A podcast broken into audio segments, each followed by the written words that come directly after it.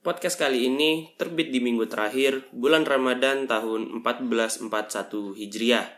Arif di sini dan selamat datang di podcast Nunggu Maghrib.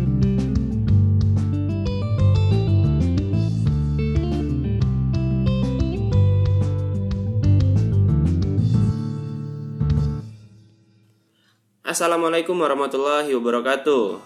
Selamat sore teman-teman semua. Gimana kabarnya sore ini? Dan ketemu lagi bareng gue Arif di podcast Nunggu Maghrib Di mana kita bakal ngobrolin sore ini tentang harga teman. Asik. Jadi sebelumnya gue mau ngucapin makasih lagi buat kalian yang masih dengerin podcast ini. Mungkin ada yang nanya kok podcastnya terbit lebih lama dari biasanya? Ya karena beberapa hari terakhir gue lagi ngedekor kamar kamar gue yang tadinya warna kuning gue rubah jadi warna ungu. Jangan ditanya inspirasinya dari mana nggak tahu. Pokoknya tiba-tiba ungu aja yang keluar dari pikiran. Ya begitulah. Beberapa hari terakhir gue nukang nukang dan nukang. Jadi buat bikin podcast kayaknya kurang kondusif dengan tenaga yang sedikit kondisi lagi puasa dan kamar yang sangat berantakan kembali ke harga teman jadi izinkan gue ngebacain tulisan yang sempet tren di Twitter dan tulisan ini dijadikan template oleh beberapa pengguna Twitter untuk ngerespon tweet-tweet yang ya yang apa ya Oke, jadi kira-kira kayak gini tulisannya. Di usia 23, emang lagi masa-masanya jatuh. Temen udah pada ninggalin dan cari kehidupannya masing-masing yang tersisa paling cuma satu dua orang temen yang akhirnya nemenin proses pendewasaan kita dan yang nantinya mereka juga yang bakal bantu kita menjadi lebih dewasa dan mencapai kesuksesan. Ini template yang sering dipakai pengguna Twitter buat mention, buat reply, buat nge-reply tweet-tweet orang. Dan bagi gue emang ada benernya. Tulisan ini relate banget sama kehidupan gue, makanya gue angkat di podcast ini. Dan gue disclaimer dulu gue sadar ketika gue bakal bikin podcast ini dengan topik ini dan gue sadar teman-teman gue banyak yang aneh sama gue kenalan-kenalan gue juga banyak yang mungkin sedikit tersinggung atau orang-orang yang dengerin podcast ini banyak yang bakal nggak suka karena bisa jadi tidak setuju dengan prinsip kehidupan gue dan it's okay perbedaan adalah anugerah eh, ya apa sih Perbedaan adalah anugerah yang diberikan Tuhan. Jadi ya mari kita nikmatin. Dan kalau lu inget, gue pernah di episode pertama ngasih tahu kalau gue orangnya eh pernah nggak ya? Ah lupa gue. Eh ya sih. Ya gue, gue orangnya lupaan. Jadi gue adalah orang yang bisa dibilang gue nggak mau dibilang antisosial, tapi gue orangnya kayak kalau ketemu orang yang baru, gue lebih milih buat diem dan ya let let it flow gitu. Biarin dia ngalir obrolan dia ngalir. Dan walaupun sempat ngobrol atau walaupun sempat bertukar identitas karena gue pelupa. Jadi gue nggak terlalu ini sih kalau ketemunya cuma sekali sekali gue nggak terlalu apa ya bilangnya? Nggak terlalu excited buat tahu seluk beluknya se itu kecuali nih kecuali emang kita ada bakal ketemu lagi atau kita bakal bisa memastikan diri kalau kita ketemu di event-event selanjutnya itu biasanya gue bakal ingat kalau tukeran kontak juga gue bakal bikin namanya sejelas mungkin atau tempat atau asalnya dari mana biar ketika dia nge-WhatsApp atau dia ngehubungin atau gue yang ngehubungin gue bakal inget ini orangnya yang mana jadi nggak bakal ketukar. Apalagi banyak orang yang nama WhatsAppnya dan foto avanya kayak jauh banget dari dia gitu. Kayak ada yang pakai gambar anim ada yang pakai gambar kursi ada yang pakai gambar Doraemon ya begitulah. Dan ya gue bukan anti sosial karena gue pengguna media sosial hampir semua media sosial gue pakai gue cobain. Tapi lebih ke gini lebih ke gue nggak mau ngobrol bukan ngobrol ya ya seralah gue nggak mau ngobrol atau duduk di satu lingkaran bareng orang-orang yang gue nggak pengen. Kayak gitu. Dan sering kan ketemu eh gini gimana ini contohnya gini. Pernah gak sih lu di rumah tiba-tiba saudara lu datang saudara lu datang ke rumah terus orang tua lu manggil Rif ada itu ada misal ada ada ada om itu. Dan di otak gue nginget itu yang mana terus yaudah keluar salim masuk lagi ke kamar. Sampai mereka pergi. Nah gue segitunya. Karena bukan apa bukan sombong tapi emang cringe aja gitu. Ketika kita apa ya ketika ada orang baru yang datang atau orang lama yang udah lama nggak ketemu dan sebenarnya di saat itu kita belum pengen atau belum menginginkan pertemuan itu maka obrolan bakal nggak jalan. Jadi kayak gitu. Dan berbicara tentang harga teman kita harus tahu dulu teman itu yang kayak gimana teman itu siapa sih? Siapa teman kita? Dan prinsip gue dari dari SMA nih prinsip gue tentang pertemanan nggak semua orang atau nggak semua kenalan bisa jadi teman gue setiap orang kayak kayaknya itu normal nggak ya? Kayaknya normal sih. Pasti kalian juga kayak gitu kan ada orang-orang tertentu yang ya yang sering ketemu yang sering main dan itu sohib lu banget gitu. Pokoknya kalau dia bilang guys ke rumah tanpa alasan pun kalian wow berangkat. Meet up makan bareng. Main bareng. Dan ya kita kayak nggak butuh alasan banyak buat ketemu sama dia misal teman-teman gue banyak yang dirantau ketika mereka pulang ke Curup dia cuma ngabarin eh gue udah di Curup. Ya pakai bahasa Curup ya. Udah di Curup dan ya seketika gue tinggal atur schedule besok atau lusa gue ke rumah dia. Beda halnya dengan teman-teman kita lain ya teman-teman yang biasanya dibilang teman di sekolah udah lama nggak ketemu. Kadang pun ketika nge WhatsApp tiba-tiba kita seuzon aja gitu. Ini maunya apa ya atau eh kok tumben mau ngapain ada ada urusan apa biasanya kayak gitu dan sejak SMA gue punya prinsip bahwa tidak semua teman, tidak eh sorry, tidak semua kenalan merupakan teman gue. Dan tidak semua orang yang nganggap gue teman, gue nganggap dia juga teman. Bingung. jadi gini, jadi di prinsip gue pertemanan ada beberapa level. Yang pertama namanya kenalan. Nah itulah yang biasa kita bilang teman di setiap lingkungan kita.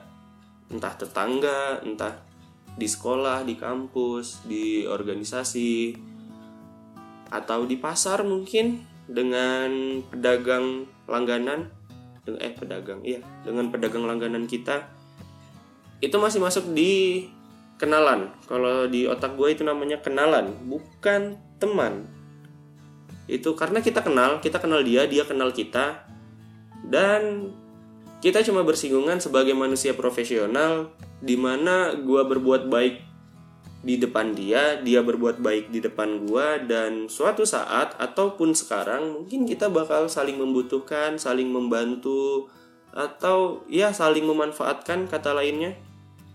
Dan ya itu menurut gue masih kenalan. Kayak teman-teman SMA kan saat seangkatan berapa sih? Hampir seribu anggaplah. Dan kita kenal semuanya seangkatan setiap kelas kita kenal. Dengan tragedi apa pun kita kenal ya itu cuma sebatas kenalan. Cuman beda nih nanti ketika udah mau jadi teman atau ketika kita mau nganggep dia sebagai teman kayak butuh beberapa hal yang bisa dimaklumin atau beberapa sifat yang emang kita terima dan bukan lagi hubungan profesional yang hanya saling menguntungkan tapi bener-bener saling membantu. Jadi bedanya kalau kenalan kalau menurut gue ya kenalan adalah posisi di mana kita saling menguntungkan. Makanya gue pernah nulis beberapa kali pernah ngupload di WhatsApp atau di Instagram di Twitter juga sih kayaknya. Gue pernah bikin ini dari orang lain sih kata-katanya tapi tapi bener-bener gue setuju makanya gue coba post ulang jadi Katanya tidak ada pertemanan yang sejati, yang ada hanya saling memanfaatkan. Dan itulah namanya kenalan, menurut gue. Dan untuk teman, kayaknya nggak perlu saling memanfaatkan atau nggak harus saling menguntungkan. Tapi berusaha untuk selalu ada itu namanya teman ya kayak tadi ketika ada apa ya ada sinyal sedikit. Kalau dia udah di sini nih misalnya dia udah di udah pulang udah dicurup. Ya kita nggak perlu banyak negosiasi eh kita mau ngapain? Atau eh lu mau ngasih gue apa? Atau eh gue punya apa? Nggak perlu. Tiba-tiba udahlah kumpul aja berangkat ketemu ngobrol lepas kangen udah itu itu yang namanya teman makanya teman gue dikit. Walaupun kontak gue banyak kenalan gue banyak yang gue anggap teman sedikit kadang kayak ya ada orang baru dateng so akrab dan kita coba berusaha membuka diri berharap dia bisa jadi teman kita yang baru. Tapi nggak ini tapi nggak selalu ada bukan nggak selalu ada nggak harus selalu sih. Tapi ketika kita butuh atau ketika kita stuck seenggaknya dia punya kontribusi di situ. Dia bisa ngasih sesuatu ke kita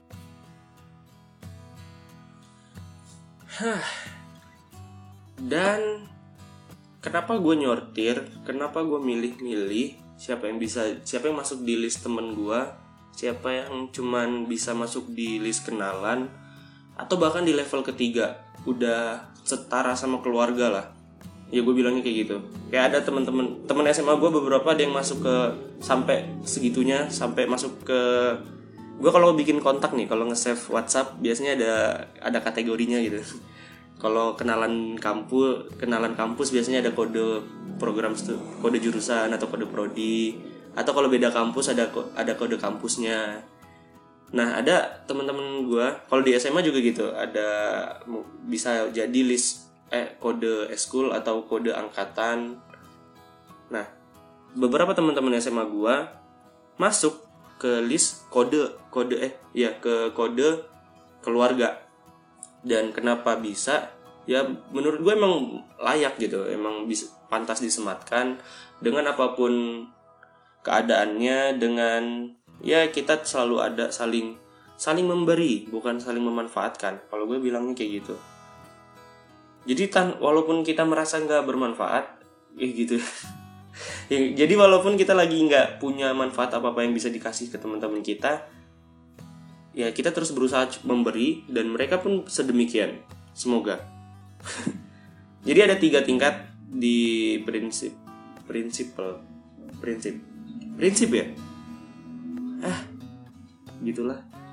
Jadi ada tiga level tingkat pertemanan yang ada di hidup gue yang pertama kenalan. Cuman ya yang penting kita sama-sama tahu sama-sama tidak merugikan.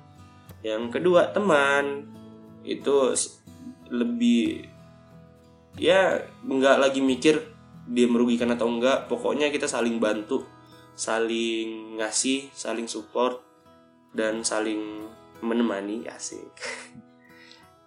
Dan yang terakhir yaitu udah setingkat sama keluarga. Yang itu udah udah segala every apa?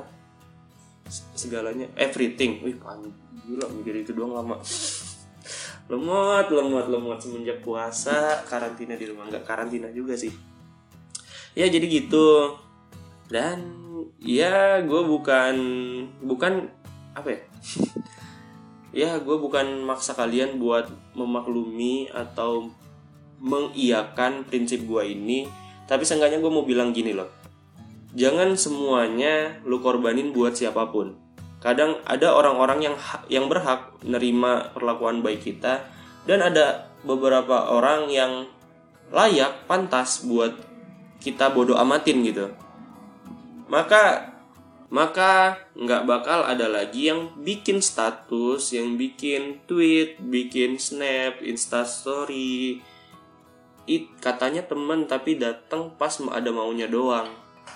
Nah maksud gue kayak gitu. Kenapa gue nyortir? Biar gue nggak ngerasa kayak gitu. Kadang kadang bahagia sih, ada kebahagiaan sendiri ketika diri kita bermanfaat buat semua orang, apa pun itu.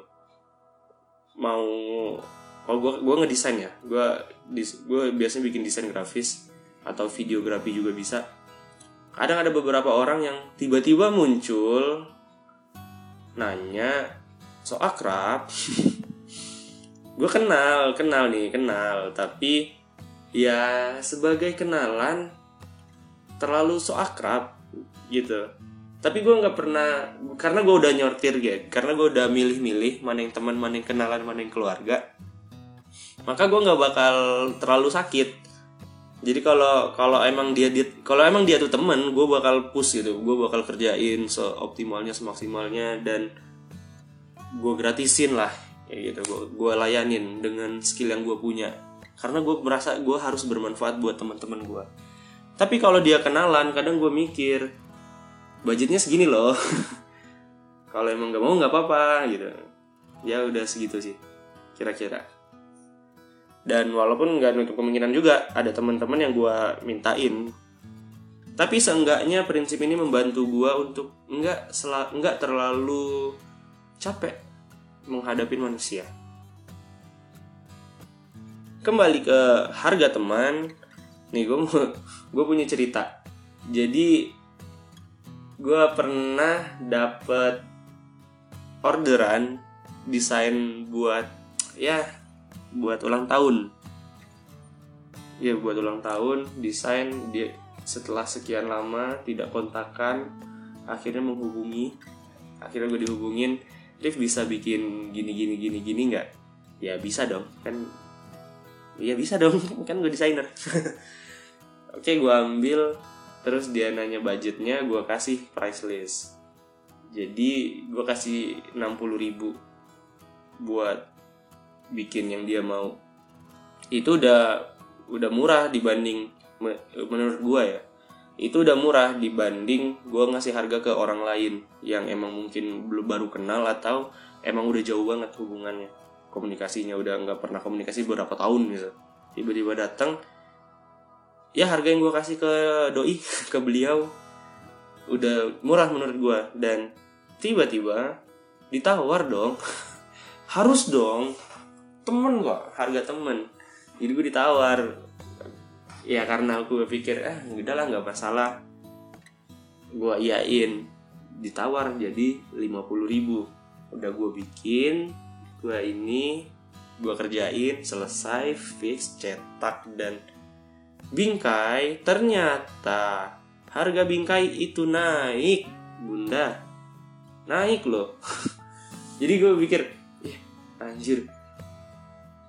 Bu, bukan bukan gak bersyukur sih cuman buat upah begadang listrik tenaga cemilan pas ngedit terus bensin buat cari bingkainya yang dia mau. Dan saking kebaiknya biasanya nih biasanya gue kalau bikin yang cetak mencetak orang yang ngambil ke rumah. Karena rumah gue tuh jauh. Ya ibarat kalau ada pusat kota di eh gimana? Eh susah gitulah pokoknya. Pokoknya rumah gue agak di kaki gunung gitu. Kaki iya kaki gunung gitu. Agak jauh pokoknya dari kota setengah jam lah. Nggak jauh banget berarti ya. Tapi tapi lumayan lah setengah jam bolak balik dan hujan-hujan akhirnya kita ketemuan di satu tempat. Gue pikir biar dia nggak jauh banget ke rumah gue ngabisin bensin. Karena gue tahu juga gimana sepak terjangnya ngumpulin duit. Dan ya begitulah problematika harga teman. Gue bukan ngeluh ya. Eh ngeluh sih mana ada yang kayak gini nggak ngeluh? Tapi buat orang-orang di luar sana yang punya teman yang berbisnis atau berus punya usaha ya bantulah. Seenggaknya kita bantu dengan jangan ditawar.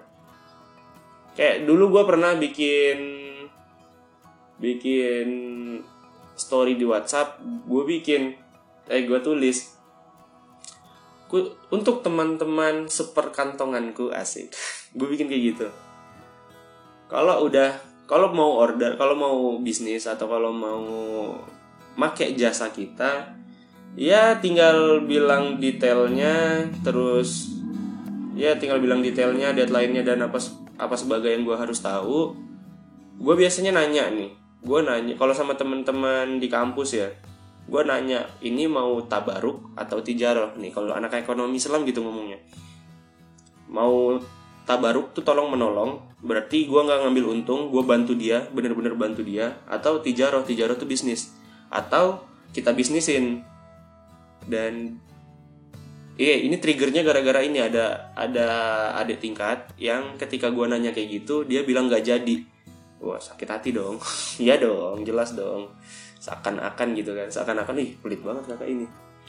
Padahal kita tahu padahal mungkin ya padahal mungkin dia emang udah niat mau bayar bi- bisa bayar tapi ya gue mastiin dulu dong biar gue bisa tahu porsi kerja gue di mana sebagai apa gitu. Sebagai temen kah atau sebagai profesional kah Wih, profesional sampah. Jadi gitu tiba-tiba dia bilang gak jadi. Akhirnya makanya gue bikin story WhatsApp kayak gitu dan intinya panjang tuh ada sekitar 6 atau 8 slide di WhatsApp. Jadi intinya gue bilang kalau gue udah nanya ini mau tolong menolong atau mau bisnis tinggal dijawab aja. Kalau emang mau tolong menolong atau pure dia minta tolong ya gue pasti kerjain sesempatnya gue atau kalau emang mau bisnis gue pasti kasih harga yang terbaik sesuai kapasitas dia makanya gue kalau dapat orderan desain kalau yang yang datang tuh instansi harganya ya normal lah umum. Tapi kalau datang tuh mahasiswa mahasiswa tingkat akhir apalagi teman-teman seper, sepenanggungan seperjuangan ya gue pasti mikir lah. Gue aja nyari duit segitunya. Masa gue ya walaupun sebenarnya boleh kan nyari untung sebesar besarnya di bisnis tapi gue pasti mikir gue mikir eh ini mahasiswa dan ya kapan lagi gue bantu mahasiswa? Apalagi kalau adik-adik tingkat atau teman-teman di kampus gue ya begitulah. Makanya kadang ada beberapa desain yang orang minta tolong gue iyain tapi nggak selesai. Dan sampai sekarang ada yang nggak selesai. Mungkin buat lo yang denger podcast ini buat lo yang minta tolong buat lo yang minta tolong ke gue buat ngedit dan nggak selesai sampai sekarang gue minta maaf. Ya alasannya itu tadi karena tidak sempat. Karena gue tetap ngedahuluin yang bayar kan pasti dong. Yang bayar karena klien pembeli adalah raja. Dan kalau lu minta tolong kan lu bukan pembeli berarti. Jadi gitu. Dan untuk harga teman sebenarnya gini. Banyak orang berasumsi semakin banyak teman kita yang berbisnis atau semakin banyak teman kita yang punya usaha maka kita bakal semakin untung. Betul sih nggak salah tapi mindsetnya yang salah. Kebanyakan orang ketika temennya punya bisnis atau punya usaha apa pun itu malah dijadikan sebuah kesempatan untuk menguntungkan diri sendiri. Gue bilangnya kayak gitu. Kayak ada teman kita yang jual pulsa lu seenaknya aja ngutang gue juga ngutang sih kalau ada teman gue yang jual pulsa. Tapi gue secepat mungkin gue bayar. Nah tapi ada beberapa orang yang kayak butuh ditagih dulu. Kadang pending bayarnya seminggu sebulan. Bahkan gue pernah nih jual pulsa pakai kan ada aplikasi dana. Ada aplikasi namanya dana. Di situ nyediain pulsa voucher dan lain-lain. Gue karena iseng kan. Karena lumayan sekali orang beli bisa sampai 1500 dapat untungnya ya lumayan dah. Akhirnya gue coba aja jual jual pulsa. Dan ada satu ketika ada orang beli bilang besok dibayar. Dan sampai sekarang tidak dibayar. Luar biasa.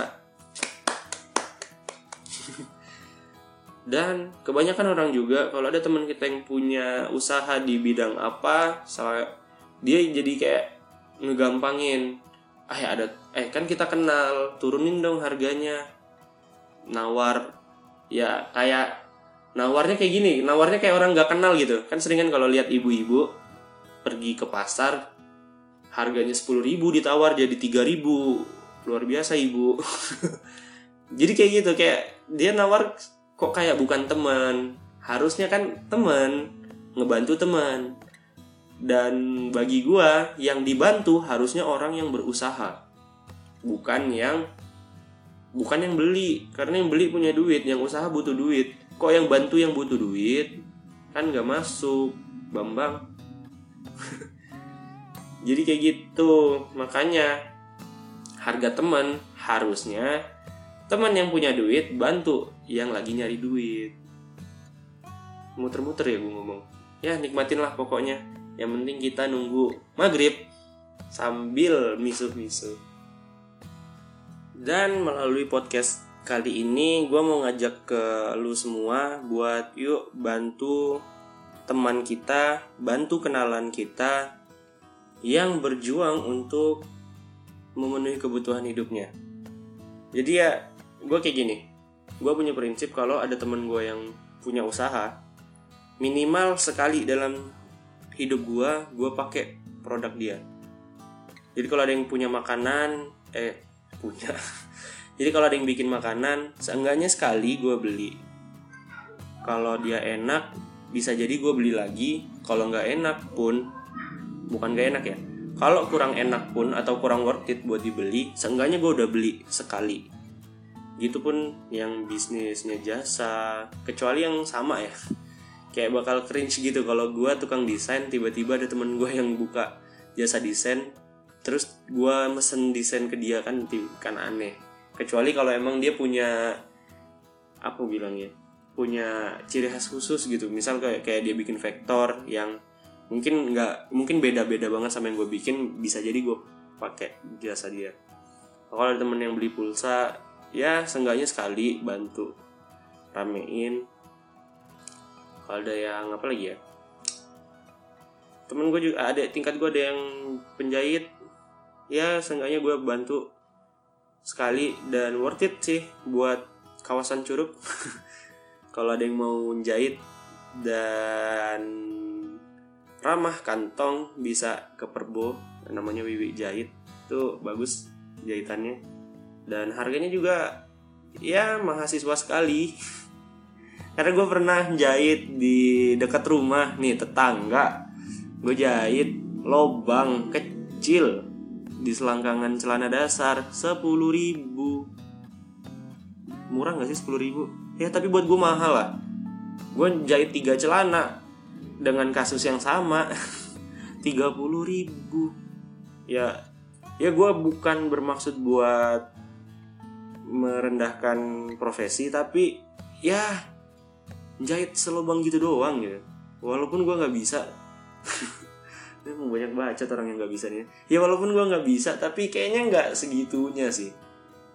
Dan gue jahit di adik kelas gue si Wiwi ini tadi. Sleeping bag sobeknya panjang, celana sobek juga di selangkangan. Dua item sepuluh ribu.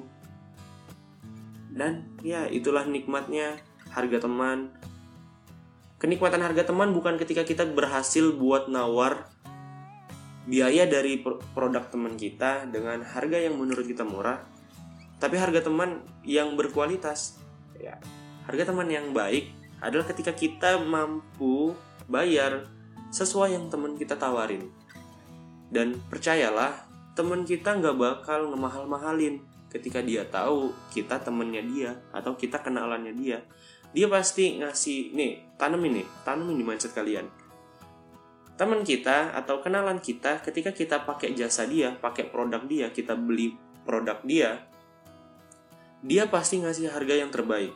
Atau minimal kalau harganya sama, harganya harga pasar, seenggaknya kuantitasnya pasti dikasih yang terbaik sama dia.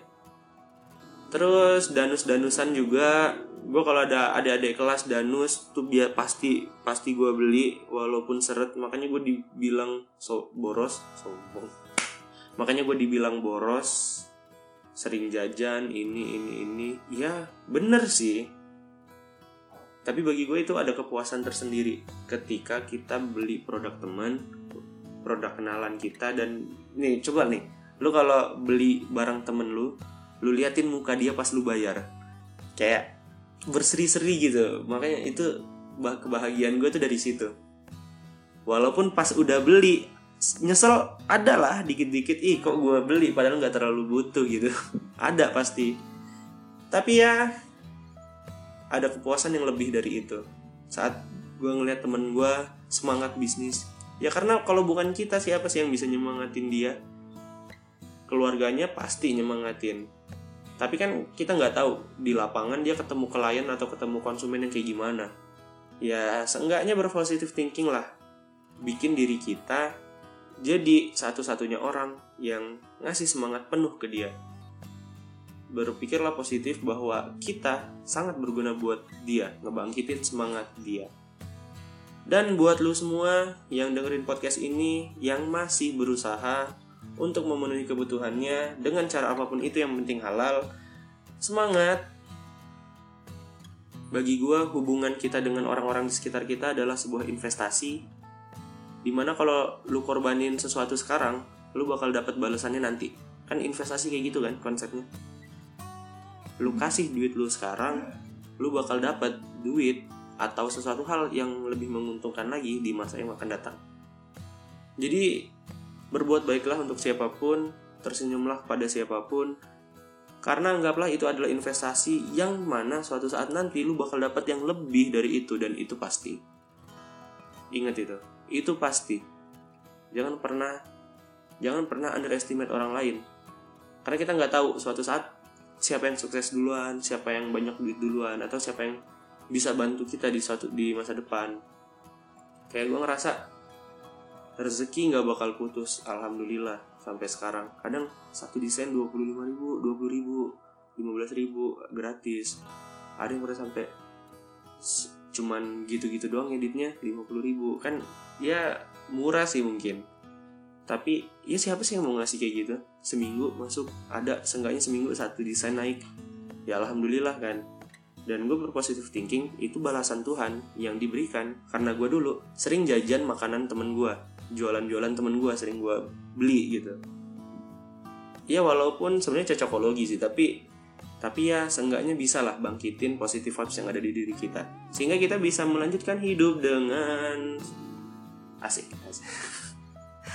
aduh apaan ya udah panjang ya dan sebagai penutup podcast hari ini, gue bakal share cerita dari temen kita yang lain jadi beberapa waktu lalu gue sempet bikin insta story di Instagram sama di WhatsApp juga.